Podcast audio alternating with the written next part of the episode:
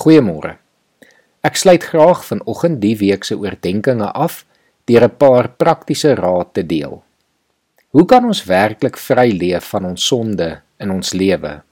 Hoe kan ons sonde in ons lewe werklik oorkom? Die eerste stap is om altyd te erken dat ons sondaars is en dat ons 'n sondige natuur het.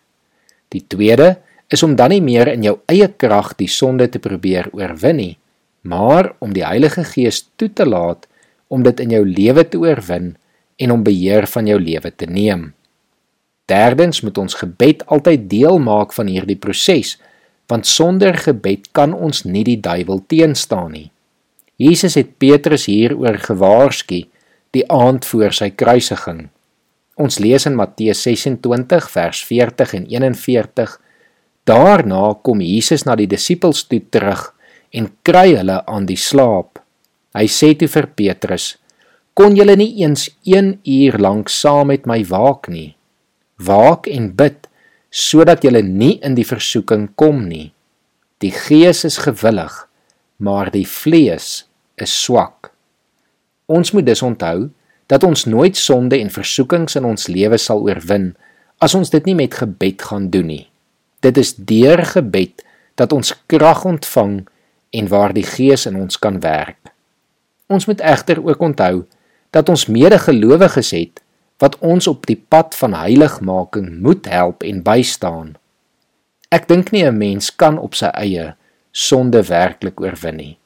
Maar God het ons vir mekaar gegee.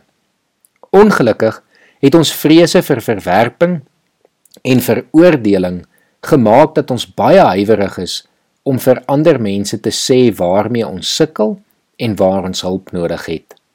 Ongelukkig lei dit dikwels tot 'n pad waar iemand nie werklik vrykom van 'n spesifieke sonde nie.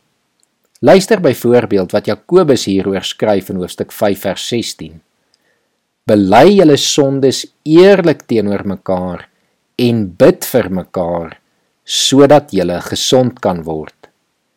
Deel van die pad van vrymaking van ons sondes is dat ons eerlik met medegelowiges moet wees oor ons sondes en dan vir mekaar moet bid.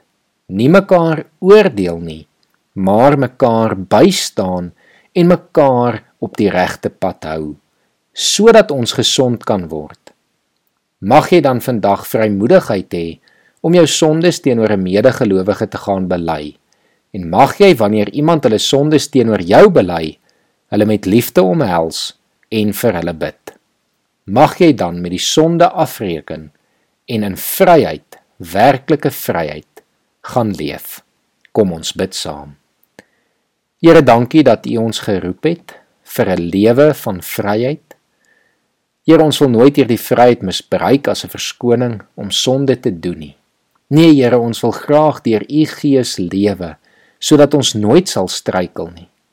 Maar Here, ons kom vanoggend eerlik na U toe en ons bely ons sondige natuur en ons worstelinge. En Here, daarom wil ek ook vanoggend vir elkeen bid wat met 'n spesifieke sonde of versoeking sukkel, Here, dat U hulle sal help om daarvan vry te kom. Dat hulle dit eerlik sal bely teenoor 'n medegelowige wat hulle kan help. Here, sodat ons uiteindelik U sal verheerlik en as heiliges U naam groot sal maak. Here, dankie dat ons dit alles kan vra. Ek bid dit in Jesus se naam. Amen.